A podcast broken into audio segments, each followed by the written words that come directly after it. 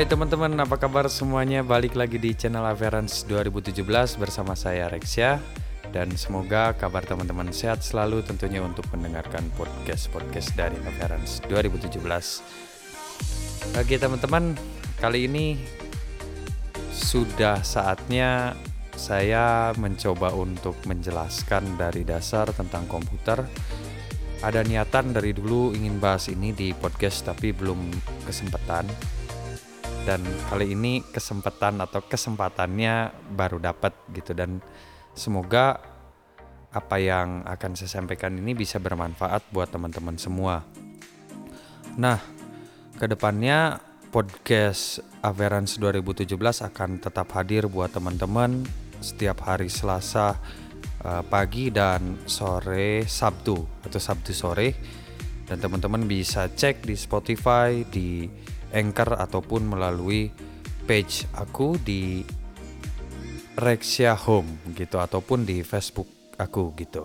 Nah, teman-teman, kita pasti nggak asing lagi dengan komputer, yaitu seperangkat alat elektronik yang mampu membantu kita dalam pekerjaan-pekerjaan kita sehari-hari, entah itu bidang musik, bidang literasi, bidang desain dan lain-lain. Banyak sekali manfaatnya komputer. Nah, sebelum kita membahas lebih jauh komputer accessible for the blind atau yang akses dengan tunanetra komputer ini, alangkah lebih baiknya kita mengenal dasar komputer itu sendiri.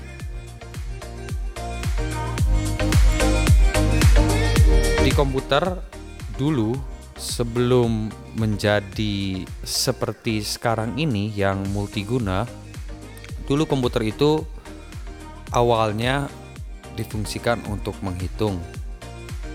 Hanya kayak kalkulator gitulah sebenarnya awal fungsinya itu yang diambil dari bahasa Latin kalau dulu komputer itu namanya komputer atau kalau di bahasa Inggris uh, sama dengan compute artinya atau sering disebut juga calculate gitu. Nah, seiring dengan perkembangan zaman nih ceritanya si komputer ini jadi berubah fungsi karena dia ini mampu uh, menyelesaikan pekerjaan-pekerjaan yang kayak kedirgantaraan, kedokteran, desainer dan lain-lain sehingga berubah namalah komputer itu dari yang tadinya compute atau komputer atau calculate menjadi komputer. Nah, kenapa kok namanya tetap komputer gitu? Nggak nggak terlalu jauh beda dengan compute gitu, karena si komputer ini masih ada sistem perhitungan ketika teman-teman memakai komputer ini. Jadi tetap base-nya itu balik lagi ke matematika. Nah, seperti contoh kalau di buku kita belajar komputer uh, di buku dasarnya pasti ada uh, Windows fundamental tuh pengenalan komputer dasar. Nah, di komputer itu ada sistem perhitungan ketika teman-teman menekan huruf R, maka untuk menghasilkan output R itu komputer akan melakukan beberapa kali perhitungan. Seperti contoh gini. Ini sebenarnya implementasinya sama dengan orang ketika teman-teman dipanggil, misal contohnya nama teman-teman itu Muhammad Gagah. Nah, aku panggil misalnya dari belakang, "Hai Muhammad Gagah." Nah, Muhammad Gagah ini otomatis akan menengok ke belakang karena dia merasa itu adalah nama saya. Begitupun di komputer. Karena si huruf R ini yang kita tekan di keyboard yang sudah di programnya itu huruf R kode-kodenya ketika teman-teman menekan huruf R itu, maka ya yang akan muncul di layar huruf R gitu. Nah, jadi sebenarnya sistem kerjanya hampir sama dengan manusia. Lalu pendukungnya, pendukungnya ada apa aja sih di komputer kok bisa seperti itu gitu. Ada tiga komponen inti yang benar-benar berfungsi banget atau berperan banget di komputer ini. Pertama ada hardware. Hardware ini ada tiga jenis uh, terbagi ke dalam tiga jenis. Nah hardware ini adalah perangkat keras dan dibagi menjadi tiga. Ada input, output, dan processing. Nah, input itu apa? Input itu keyboard, nah scanner, mouse itu input. Jadi sistem kerjanya input itu sederhananya ketika teman-teman menekan R, maka yaitu akan dihasilkan R gitu di komputer atau e, menekan panah bawah misalnya, maka panah bawah itu akan bergerak gitu. Nah, jadi kita itu kayak memerintahkan gitu. Nah, input itu memerintahkan sistemnya. Uh, sistem sederhananya gitulah pengertian sederhananya memerintahkan kepada komputer itu sendiri. Kayak teman-teman ngomong, nah dari ngomong itu kan kita input, nah terus didengar baru output hasilnya gitu. Nah kalau output yaitu kebalikannya hasil dari input tersebut. Jadi seperti yang dicontohkan tadi aku bilang di awal ketika teman-teman mengetikkan huruf R maka terjadi input dulu baru terjadi beberapa kali perhitungan dan terjadilah output di layar yaitu R tadi. Nah, lalu kita masuk ke output. Kalau output itu dia lebih cenderung ke hasil, hasil yang ditimbulkan dari uh, input kah atau dari dalam komputer itu sendiri komponennya ada apa aja di hardware output itu ada speaker, monitor, terus braille display dan lain-lain yang sifatnya itu bisa dilihat atau didengar gitu. Nah, berikutnya yang satu ada processing. Kalau processing itu hardware processing itu ya seperti RAM, prosesor, hard disk dan ya seperti itulah yang ter gabung menjadi satu yang dinamakan dengan CPU atau Central Processing Unit CPU gitu. Atau yang lebih sederhananya lagi, teman-teman mungkin pernah dengar sound card. Nah, sound card eksternal. Nah, itu processing. Apa yang dia proses yaitu memproses audio, input dan output. Input yang dimasukkan ke dalam sound card itu dan output hasil keluarannya. Begitu teman-teman. Lalu berikutnya ada software. Software ini sekumpulan kode uh, yang ditulis. Kode ini bisa berupa operating system ya, sekumpulan kode operating system yang uh, berfungsi untuk menjalankan si operating system sendiri itu. Nah, kalau software itu sifatnya dia nggak bisa diraba gitu, tapi hanya bisa dijalankan kalau software ini dan uh, sekumpulan kode-kode untuk uh, software ya, untuk aplikasi, sorry, untuk aplikasi. Jadi seperti misalnya teman-teman pernah buka Mozilla Firefox, buka Winamp misalnya, buka Windows, buka BIOS. Nah, itu sebenarnya yang disebutkan tadi itu semuanya sekumpulan kode-kode yang dirangkum atau yang di dibuat oleh manusia sehingga dapat diimplementasikan ke dalam komputer itu sendiri dan bisa dipergunakan oleh semua orang gitu itu software. Lalu berikutnya ada brainware. Kalau brainware itu lebih ke manusianya si pengguna. Brainware itu adalah peranti akal atau otak gitu. Nah, kalau komputer tanpa brainware ya dia nggak akan jalan. Jadi dulu kalau temanku bilang kalau hardware dan softwarenya nggak ada permasalahan, kalau di, ada permasalahannya di komputer, nah dia selalu bilang berarti brainware-nya yang bermasalah. Nah ini berarti lebih ke orangnya yang pemakainya. Ya, ya bisa disebut brainware itu pemakainya lah, pemakai komputer itu sendiri. Nah tanpa ketiga komponen itu maka komputer tidak akan bisa disebut komputer begitu. Lalu Berikutnya supaya komputer ini bisa berjalan ada namanya operating system.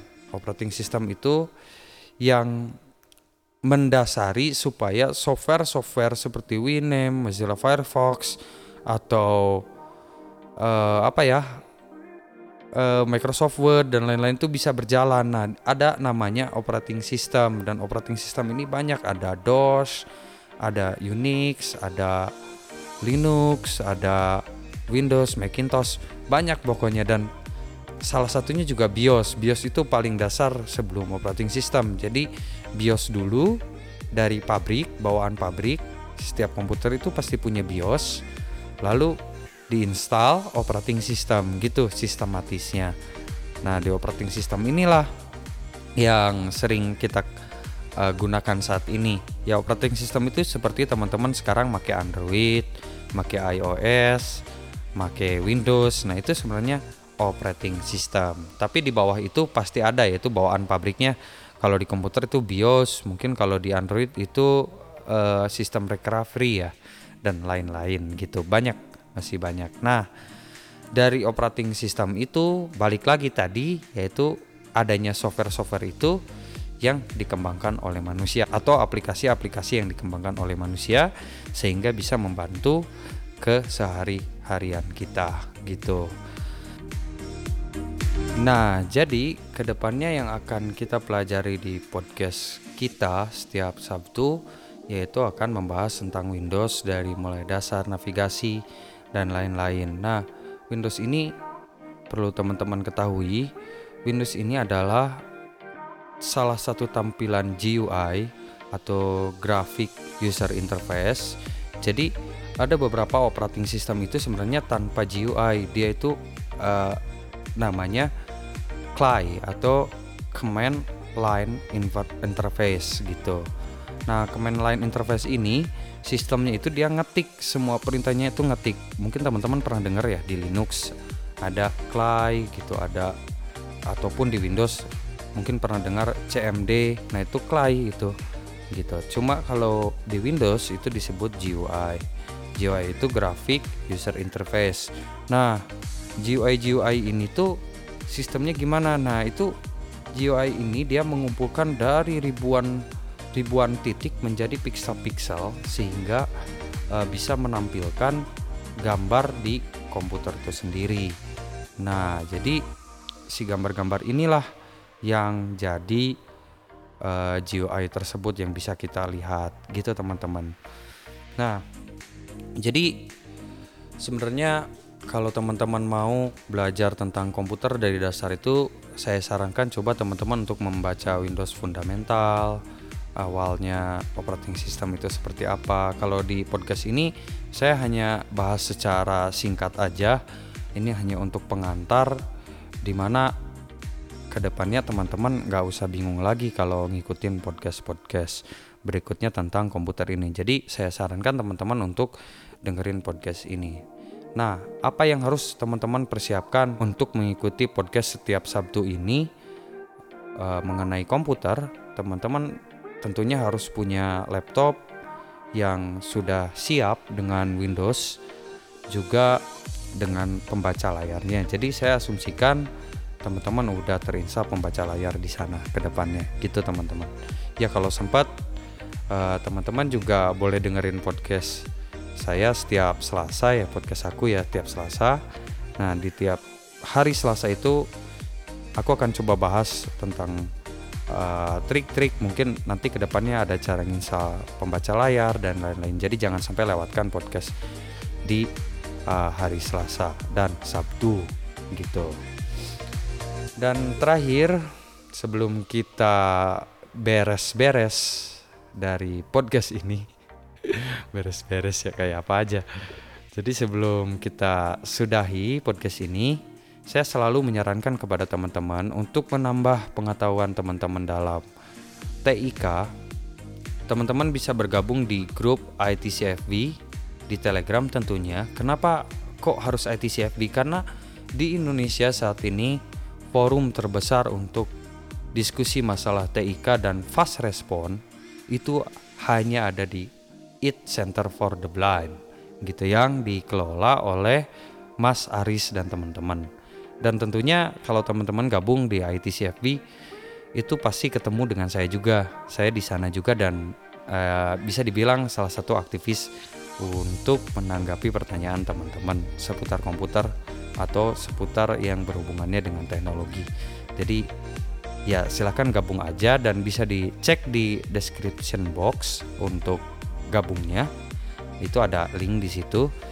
Dan terakhir, jangan lupa untuk follow si channel ITCFB.